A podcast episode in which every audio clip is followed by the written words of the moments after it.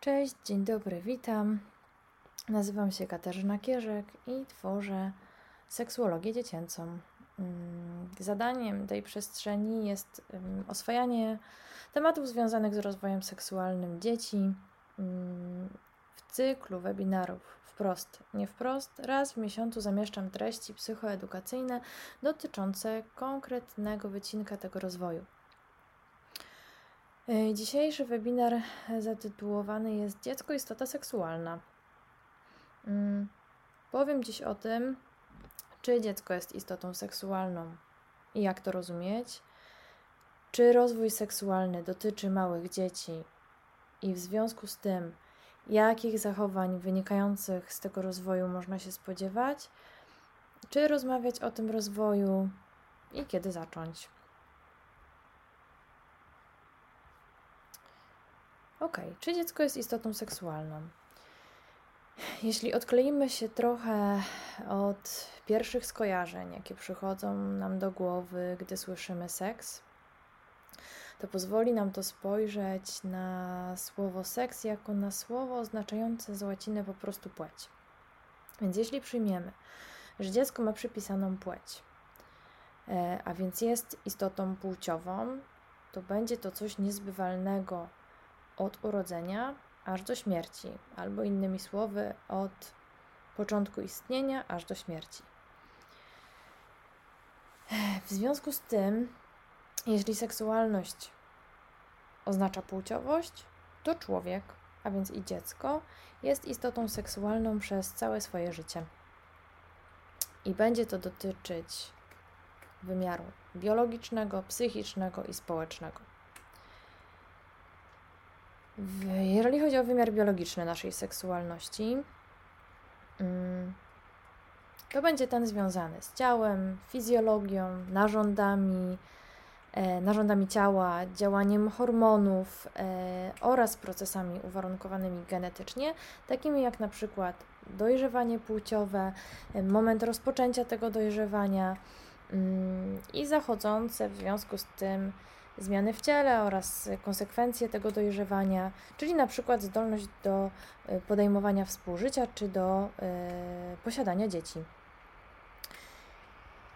Byłoby jednak błędem ujmowanie seksualności tylko na tym jednym wymiarze, bo człowiek jest istotą e, odczuwającą i przeżywającą całą gamę emocji, uczuć, więc sfery seksualnej nie można też od tego świata emocji, uczuć i zmysłów oderwać. Więc drugim wymiarem jest ten wymiar psychiczny, emocjonalny seksualności. I będzie to y, sfera życia związana z uczuciami, mm, emocjami, odczuwaniem przyjemności, ekscytacji, zaciekawienia związanego y, z własnym ciałem albo z ciałem y, drugiej osoby, drugiego człowieka. I na różnych etapach rozwoju mogą pojawiać się myśli związane z seksualnością człowieka. Fantazje, wyobrażenia. E, mogą pojawiać się e, też uczucia wstydu czy lęku, zakłopotania. Na przykład w sytuacji, nie wiem, higienicznej, mm, jeżeli chodzi o dzieci, gdzie jakoś wchodzi ktoś do łazienki i w sposób niespodziewany, tak? Dziecko jakoś mówi, hej, nie chcę, żebyś tu był, tak? Bo jakoś czuje, że to jest jakaś taka sfera bardziej prywatna, wymagająca ochrony. Y, w dużej mierze uczucia dotyczące tej sfery życia zależą od wychowania, wartości, religijności y, i podejścia do spraw związanych z seksualnością prezentowanego głównie przez głównie przez rodziców, ale mam na myśli też innych dorosłych, którzy sprawują e, opiekę nad dzieckiem, jakichś takich znaczących mm, dorosłych, którzy w życiu tego dziecka są. No i tu płynnie przechodzimy do tego trzeciego wymiaru seksualności, jakim jest wymiar społeczny. Człowiek, dziecko e, od urodzenia funkcjonuje w pewnej grupie, grupie społecznej i najpierw będzie nią rodzina, Następnie trochę szerszy krąg ludzi, czyli rówieśnicy, e, czy to w przedszkolu, czy na podwórku, mm, dzieci w szkole, mm, znajomi, no i potem ogólnie społeczeństwo. No i dziecko uczy się, zaczyna wchodzić w relacje z innymi, zarówno w sferze psychicznej, jak i fizycznej. Uczy się pewnych norm, zasad, y, zakazów związanych z funkcjonowaniem w tym społeczeństwie, mm, także tych zasad y, związanych z seksualnością i intymnością. Y, zaczyna rozumieć, co mu wolno, czego nie, jakie są granice kontaktu z drugą osobą, z rodzicami, z rówieśnikami czy z obcymi. Uczy się też tego, jakie ono samo ma granice, tak? jaki kontakt jest dla tego dziecka przyjemny, jaki nieprzyjemny, jaki rodzaj dotyku i od jakich osób jest dla tego dziecka w porządku, nie w porządku. I myślę sobie, że dobrze jest e, myśleć o dziecku jako o istocie, które może też te granice rozpoznawać. I dobrze jest, jeżeli się y, y, nie tylko uczy tych zasad, norm, y, jakoś zewnętrznych, które są w stosunku do dziecka, ale także tego, że dziecko samo może pewne normy czy zasady, mm, zakazy, tak, czy sprzeciw stawiać, określać. Y, w tym wymiarze społecznym y, dziecko też się uczy, że istnieje coś takiego jak podział na role męskie i kobiece i jakie są y, oczekiwania społeczne z tym związane. Będzie słyszało szereg takich przekazów społecznych, na przykład w formie przekonań, tak? Typu chłopaki nie płaczą, dziewczynki powinny być grzeczne, tak? Albo dotyczących sposobu ubierania, tak? Y, no mogłabyś założyć sukienkę, tak?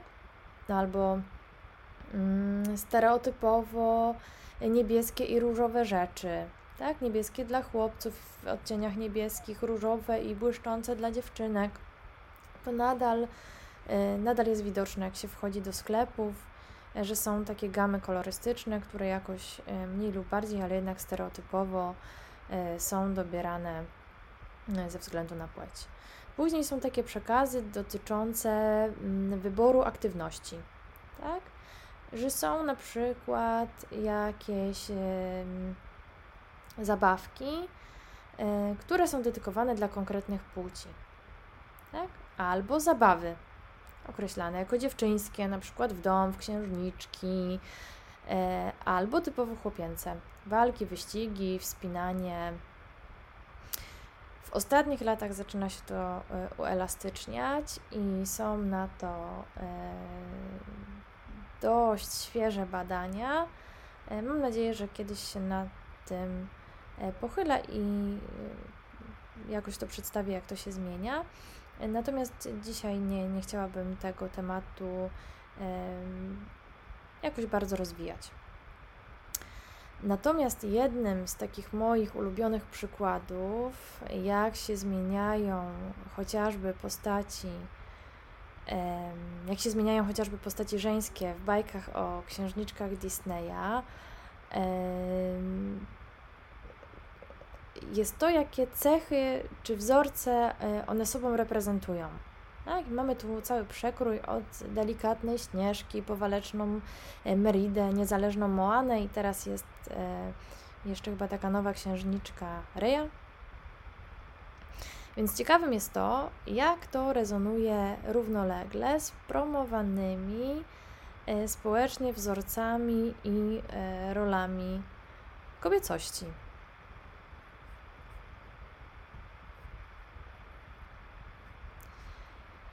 Podsumowując ten kawałek, y, wiemy już, że dziecko jest istotą seksualną i rozwój seksualny dotyczy dziecka od początku jego istnienia, bądź też od urodzenia, w zależności jaką nomenklaturę przyjmiemy, aż do śmierci, oraz że będzie można zobaczyć przejawy tej seksualności w wymiarze biologicznym, psychicznym oraz społecznym.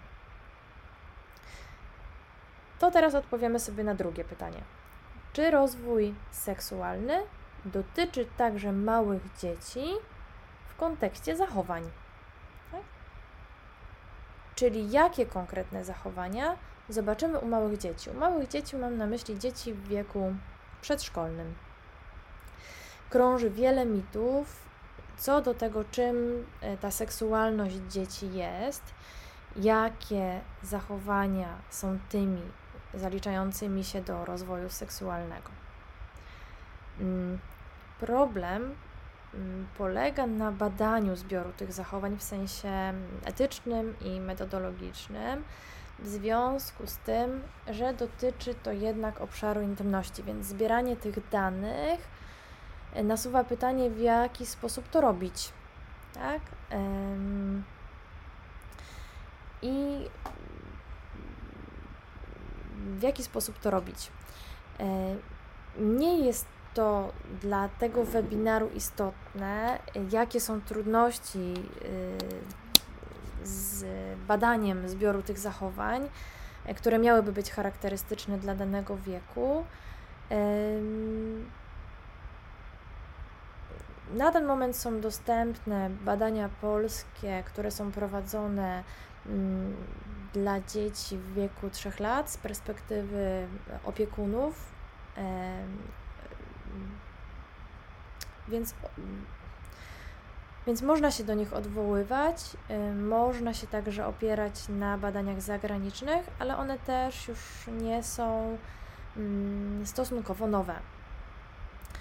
E, co wiadomo na pewno, to to, że często redukuje się przejawy seksualności dzieci do zachowań masturbacyjnych, mm, że dorośli widzą zachowania seksualne swoich dzieci, że są różnice między tym, w jakich ilościach dostrzegają je mm, ojcowie, w jakich matki i w jakich e, opiekunowie z placówek E, natomiast wiadomo też jeszcze jedną rzecz, że to jest dużo szersza gama zachowań niż e, zachowania masturbacyjne.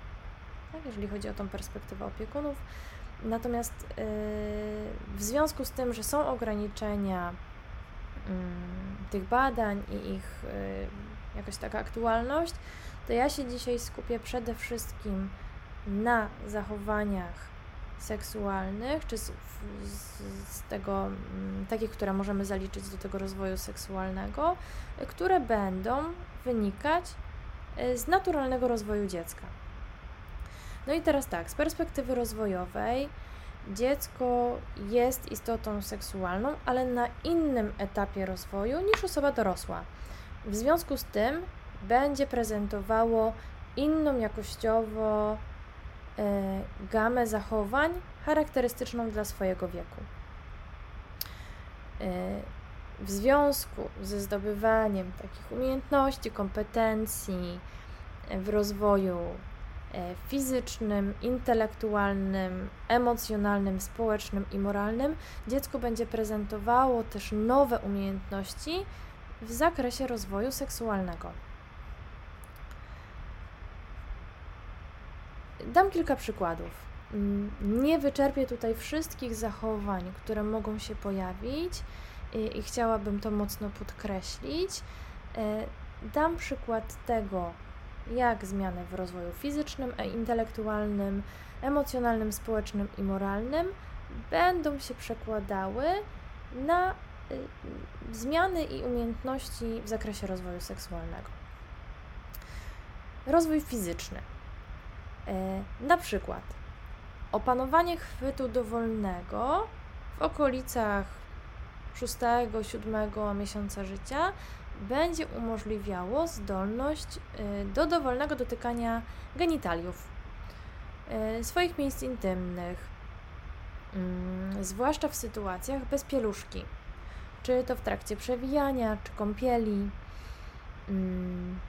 Rozwój, w rozwoju intelektualnym, dla przykładu, e, na przykład nabycie zdolności do posługiwania się słowami będzie um, po, po pierwszym roku życia e, będzie umożliwiało między innymi posługiwaniem się mm, będzie umożliwiało m.in. posługiwanie się nazwami części ciała, w tym narządów mm, płciowych, genitaliów, y, czy też zadawanie pytań związanych z płciowością.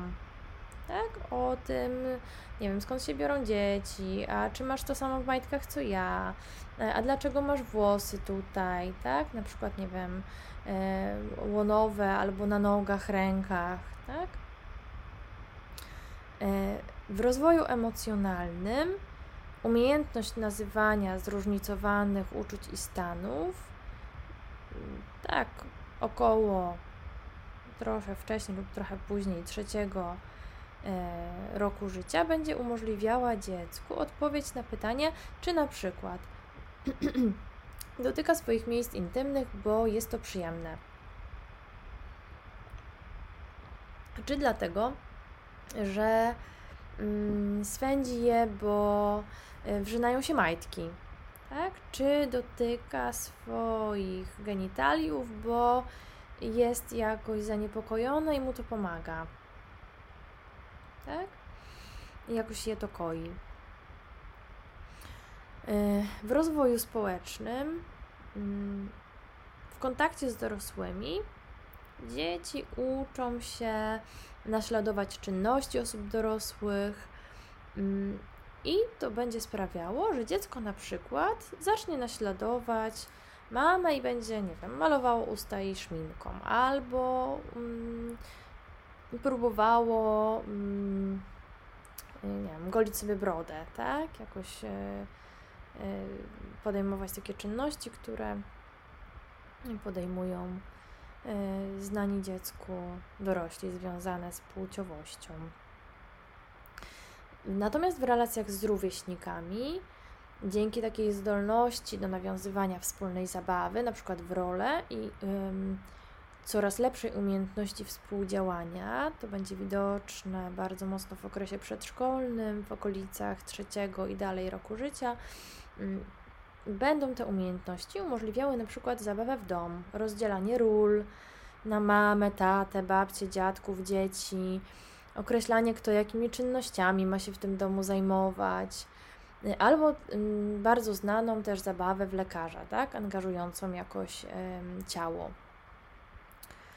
I został nam rozwój moralny, czyli dzięki temu, że dziecko zaczyna rozumieć normę, E, czy zasady jako służące rela regulacji relacji międzyludzkich, e, będzie to umożliwiało przyswajanie i formułowanie przez dziecko e, zasad regulujących zachowania seksualne. Tak?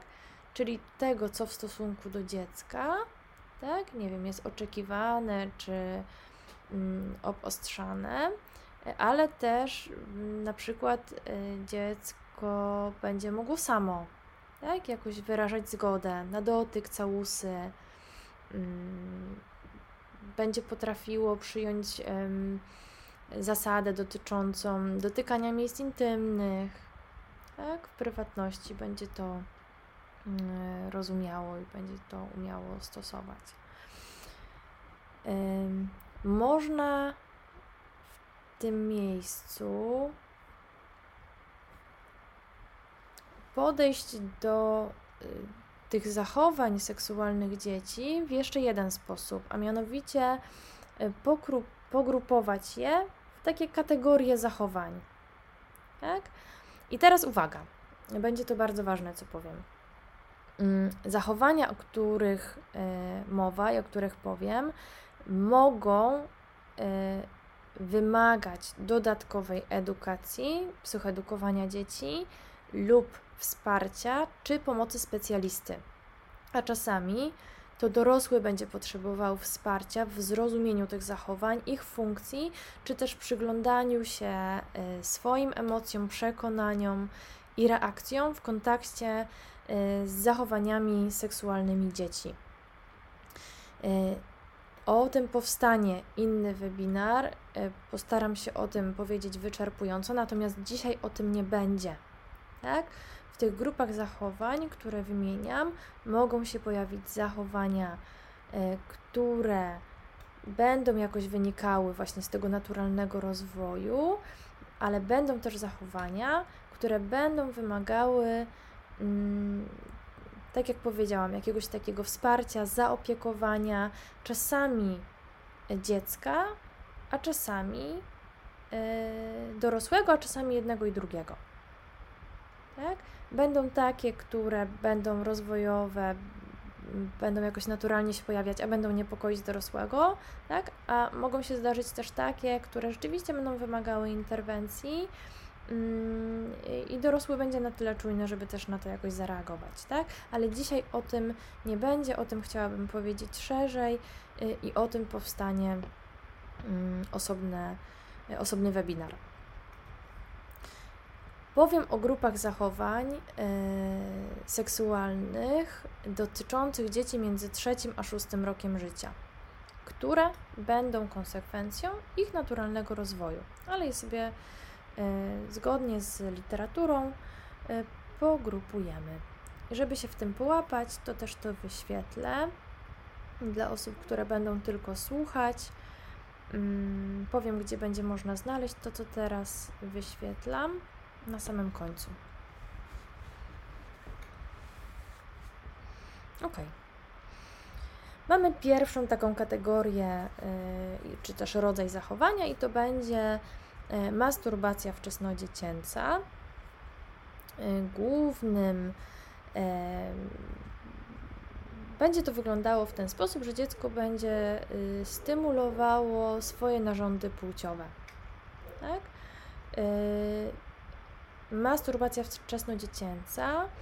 Mm, przykładowo mm, może wyglądać w ten sposób, że dziecko będzie y, dotykało swoich genitaliów rytmicznie, będzie zaciskało uda, y, czy zaciskało mięśnie krocza, y, ocierało się o przedmioty, krzesełka, dywan, rogi kanapy, czy będzie siadało e, na swojej pięcie e, i na niej na przykład podskakiwało. Tych e, zachowań, które możemy w obrębie tej, tej kategorii zobaczyć, jest dość dużo i one mogą spełniać różne funkcje. Zasadniczo dziecko odkrywa, że to jest po prostu przyjemne, że z tego, z tych obszarów ciała, z genitaliów żeńskich, męskich, płyną zupełnie inne jakościowo e, odczucia. Są to miejsca wrażliwe, dużo bardziej e, unerwione, ukrwione, delikatne i dziecko mm, po prostu zauważa, że jest to przyjemne. Więc motywacją, funkcją będzie dostarczanie czy doświadczanie przyjemności. Drugą taką funkcją będzie na przykład potrzeba ciekawości.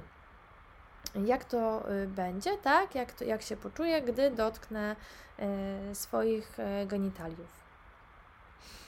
Natomiast może też być potrzeba wysokiej stymulacji ciała, tak? Na przykład w przypadku dzieci z takiego kawałka no, neurorozwojowego, tak? Jakoś sobie myślę o, o, o dzieciach z sensoryzmami w tle, y, z integracji sensorycznej, y, o dzieciach z nadpobudliwością psychoruchową, z, y, o dzieciach ze spektrum, tak? Jakoś, jakoś tutaj o tym też myślę.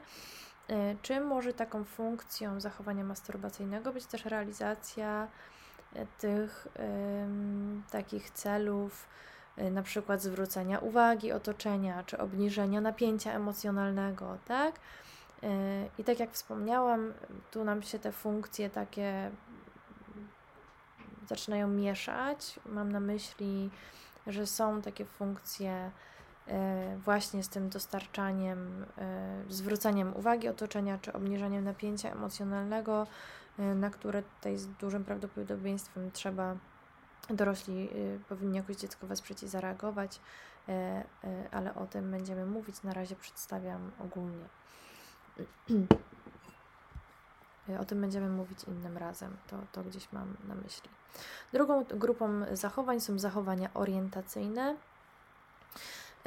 To będzie głównie przyglądanie się. Przyglądanie się innym osobom, tym jak są zbudowane, genitaliom tych osób, zadawanie pytań o, treści seksualnej. To, to też będą takie nie wiem, na przykład, to będą przede wszystkim zachowania, które mają na celu jakoś porównać, tak? Dziecko między dzieckiem, zazwyczaj między trzecim a piątym rokiem życia e, dzieci patrzą, w czym są podobne, w czym są różne na ty, w tym obszarze cielesności również, ale też między dzieckiem a dorosłym. I to będzie na przykład przyglądanie się, tak? Takie uporczywe przyglądanie się innym w czasie zabiegów pielęgnacyjnych, w toalecie. To będzie też, nie wiem, sprawdzanie dotykiem. Są, mm, przychodzi mi do głowy takie zachowanie, gdzie dziecko mm, dotyka przez ubranie, tak? Na przykład y, swojej mamy, czy, czy innej jakiejś takiej kobiety y, z otoczenia, która, nie wiem, y, że wyczuwa, że ona ma jakoś piersi inaczej E, inaczej już rozwinięte, tak, niż to dziecko. Ale to będzie też w tej grupie szereg pytań. Skąd się wziąłem? Dlaczego chłopcy mają penisy, dziewczynki nie? A co ty masz w majtkach? A czy masz tak samo jak ja? Kiedy będę mieć włosy? A co dziecko robi w brzuszku? Tak, w momencie, kiedy ktoś z otoczenia jest, jest w ciąży. No i teraz ich funkcją, główną funkcją zachowań orientacyjnych będzie zdobycie i weryfikacja informacji, tak? O sobie, o ciele, o, o płciowości, mm, jakieś takie zaspokojenie ciekawości. To będzie też sygnalizowanie potrzeby wsparcia i uspokojenia. Tak? Kiedy dziecko jakby z czymś się zetknie albo Y, z czymś dla niego niezrozumiałym, albo z jakimś zjawiskiem, które widzi pierwszy raz, tak? Albo jak widzi, nie wiem, właśnie kobietę w dość zaawansowanej ciąży, tak? Jest to dla tego dziecka jakoś y, za, zaskakujące. To będzie miało też taką funkcję więziotwórczą, gdzie y, dziecko po raz pierwszy tak przychodzi do dorosłego i yy, jako, że postrzega zazwyczaj dorosłego jako takiego, który Y, wie więcej, bardziej albo nawet wszystko, tak, na tym etapie takim przedszkolnym y, i przychodzi z takim kawałkiem swojego świata, który je ciekawi. No jeżeli my jako dorośli też wyjdziemy temu naprzeciw i wyjdziemy z taką postawą otwartości, nie, nie wszech, yy, wszechwiedzy, yy, to, to dziecko też coś od nas dostanie, tak, takiego mocno wspierającego, yy, coś z czym pójdzie dalej. E, tutaj też może być szereg zachowań, które no, być może będą wymagały pochylenia się albo właśnie doedukowania, e, psychoedukacji takiej dla dziecka, tak? W kontekście tego, co jest ok, co nie ok, e, co jest ok dla nas tutaj w danym środowisku i tak dalej, i tak dalej. Tak? To jest po prostu grupa zachowań, którą będzie można zauważyć. Potem są zachowania interakcyjne. Y, I to będą wszystkie y, zabawy, tak? O treści seksualnej lub innej, które będą jakoś angażowały to ciało. To będą zazwyczaj zabawy z innymi dziećmi. Mm, tak jak mówiłam, to będą zabawy, które będą polegały na tym, że będzie można porozdzielać role tak? Mamę, tatę i czynności z tymi rolami jakoś związanymi. Mm, to będzie zabawa w doktora, tak? I znowu dziecko będzie zdobywało informacje, będzie um, czuło jakąś taką przyjemność, tak? Z, w związku z, tą, z tymi zachowaniami, ale może to też zachowanie służyć obniżaniu e, napięcia e, emocjonalnego, odreagowywania emocji, to y, będzie znowu taki ten typ zachowań, którym, nad którym się będzie trzeba pochylić się tym jakoś bardziej y, zająć. Y, zachowania twórcze, jako taka ostatnia grupa. I tu będą wszystkie wierszyki, rysunki, opowiadania zawierających elementy płciowe, seksualne, E, to będzie rysowanie postaci, tak, o, z, z cechami płciowymi, tak, to będzie to będą te wszystkie, to będzie ten etap, gdzie się pojawią wszystkie dubska, y, dupy, kupy, i dzieci będą przychodzić i będą różne rzeczy, nie wiem, mówić, tak? E, bo zasłyszały i będą e, radzić sobie z tym. E, to, to słownictwo będzie dla nich nowe, zaciekawiające, tak? A może też związane z tym, że dorośli na nie jakoś inaczej reagują, więc warto je powtarzać. No i przede wszystkim będzie to miało taką funkcję jak pewnego rodzaju raz, że zaspokojenie zainteresowania tak, tymi treściami seksualnymi, a dwa, yy, że wyrażenie tego na zewnątrz, jakaś taka ekspresja, yy, ekspresja, ale też testowanie reakcji osób dorosłych, tak, jak dorosły zareaguje, gdy przyjdę z czymś takim. Yy. I teraz myślę sobie tak. Yy, zachowania seksualne, podsumowując trochę to, co powiedzieliśmy w tym momencie, to, co powiedziałam, zachowania seksualne, one pojawiają się od urodzenia, są konsekwencją naturalnego rozwoju, są też zauważalne przez dorosłych, tak? stanowią szeroką gamę i nie ograniczają się jedynie do zachowań y, masturbacyjnych. Jeśli mm, kogoś z osób słuchających będzie interesowało, co na ten moment wiemy mm, z badań, czy z, takich, z takiej perspektywy dorosłych, jak oni widzą, y, czy jakie zachowania deklarują, które widzą u dzieci, to możemy też e, kiedyś sobie taki webinar zrobić, taki zbiór o tym zbiorze zachowań charakterystycznych dla danego wieku, y, porozmawiać. No i została nam ostatnia część tego webinaru, czyli mm, czy w ogóle o tym rozmawiać wprost. Tak? Y, I kiedy zacząć, mm, jeśli już. No i myślę, że warto zdać sobie sprawę z tego, że dorośli o tym rozwoju rozmawiają z dziećmi. Rozmawiają, czasem wprost, a czasem nie. Tak? Dlatego w cudzysłowie. Mm, można przekazywać naprawdę różne treści, podejście, przekonania, używając słów i zupełnie milcząc. Więc e, nie będzie to kwestia, czy rozmawiać, e, a raczej jak robić to bardziej świadomie. Mm. Nieprzypadkowy w związku z tym jest y, tytuł tego cyklu webinarów, wprost, nie wprost, i ma on swoje źródło właśnie w tym, że o rozwoju seksualnym mówi się pośrednio lub bezpośrednio, przy użyciu słów i milcząc, rozmawiając z dzieckiem, y, bezpośrednio kierując do niego słowa lub komentując pewne obszary dotyczące y, seksualności, cielesności swoje i innych. E, a moim celem e, jest wspierać dorosłych wiedzą, by robić to bardziej świadomie. E, kiedy zacząć? Mm. I teraz tak, istnieje szereg przekonań o tym, kiedy powinno się rozmawiać że dojrzewanie może wtedy, kiedy dziecko ma zacząć dojrzewać, a może wtedy, kiedy e, wchodzi w pierwszą relację romantyczną, a może wtedy, kiedy zamierza e, wejść w związek małżeński i w domyśle tak, podjąć aktywność seksualną.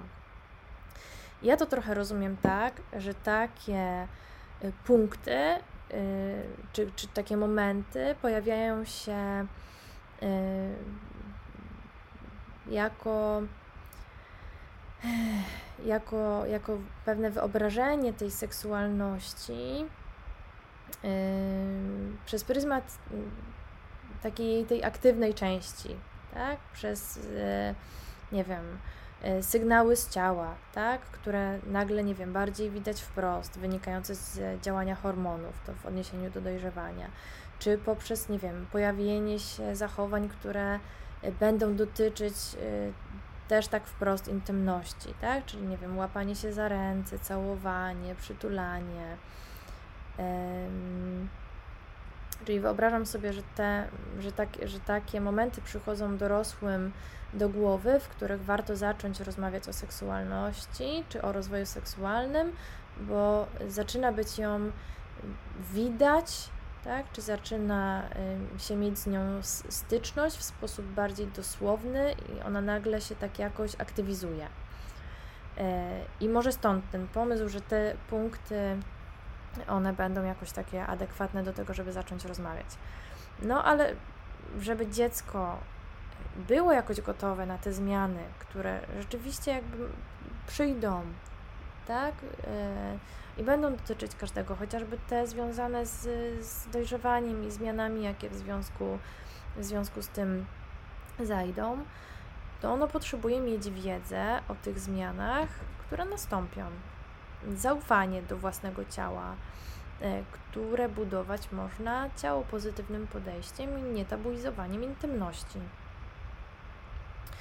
E, publikacje i wiedza o rozwoju psychoseksualnym dziecka wskazują na to, że rozmawiać i odpowiadać na sygnały ciekawości dziecka tą sferą e, rozwoju e, można od urodzenia. I nie spowoduje to przyspieszenia aktywności seksualnej na późniejszym etapie życia. Tak? I są badania, które o tym mówią, tak? Bo myślę sobie, że jest taki e, mit kulturowy, który mówi o tym, że dziecko się jakoś nadmiarowo rozbudzi, pobudzi seksualnie, jak będziemy z nim rozmawiać e, o tej sferze życia wprost. No i są badania, które mówią, że absolutnie nie.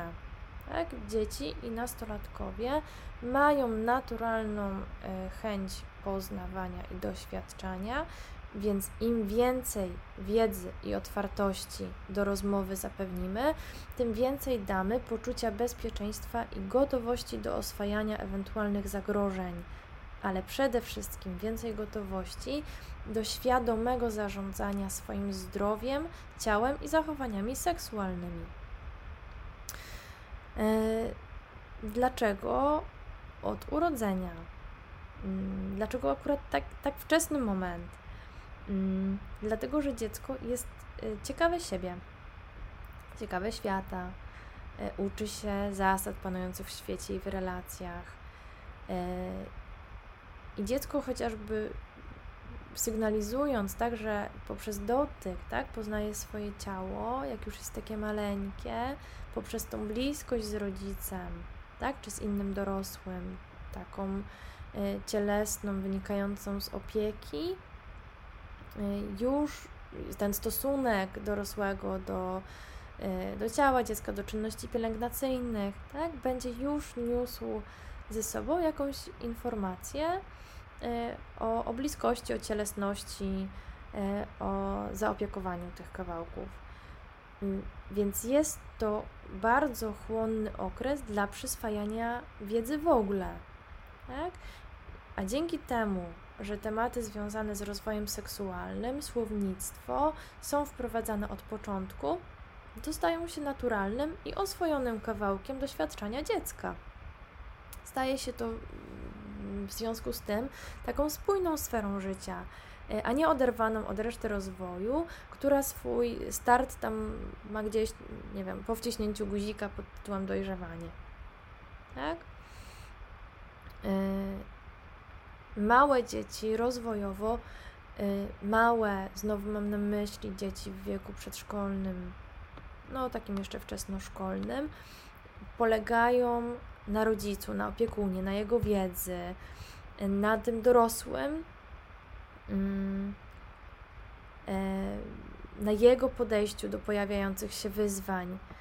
Więc jeśli mały człowiek dostanie sygnał, że rodzic jest gotowy podjąć ten temat, niekoniecznie znać odpowiedź na każde pytanie, to ono będzie przychodziło do niego po wsparcie.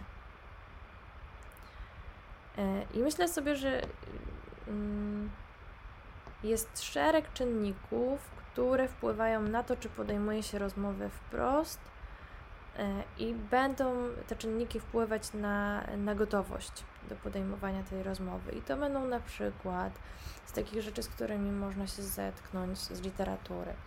To będą przekonania o seksualności, tak? o seksualności swojej, e, ale także o seksualności dzieci. Tak? Na przykład o tym, że ten temat dotyczy lub nie dotyczy małych dzieci, że się powinno czy nie powinno z nimi gadać, bo je to rozseksualizuje lub nie. Tak? Że powinno mieć jakieś zachowania z tej sfery albo nie powinno. Mm. Mm. To, jaki dorosły ma stosunek do swojej seksualności, może, tak? Może go jakoś mm, otwierać albo blokować w podejmowaniu roz, rozmów z dzieckiem.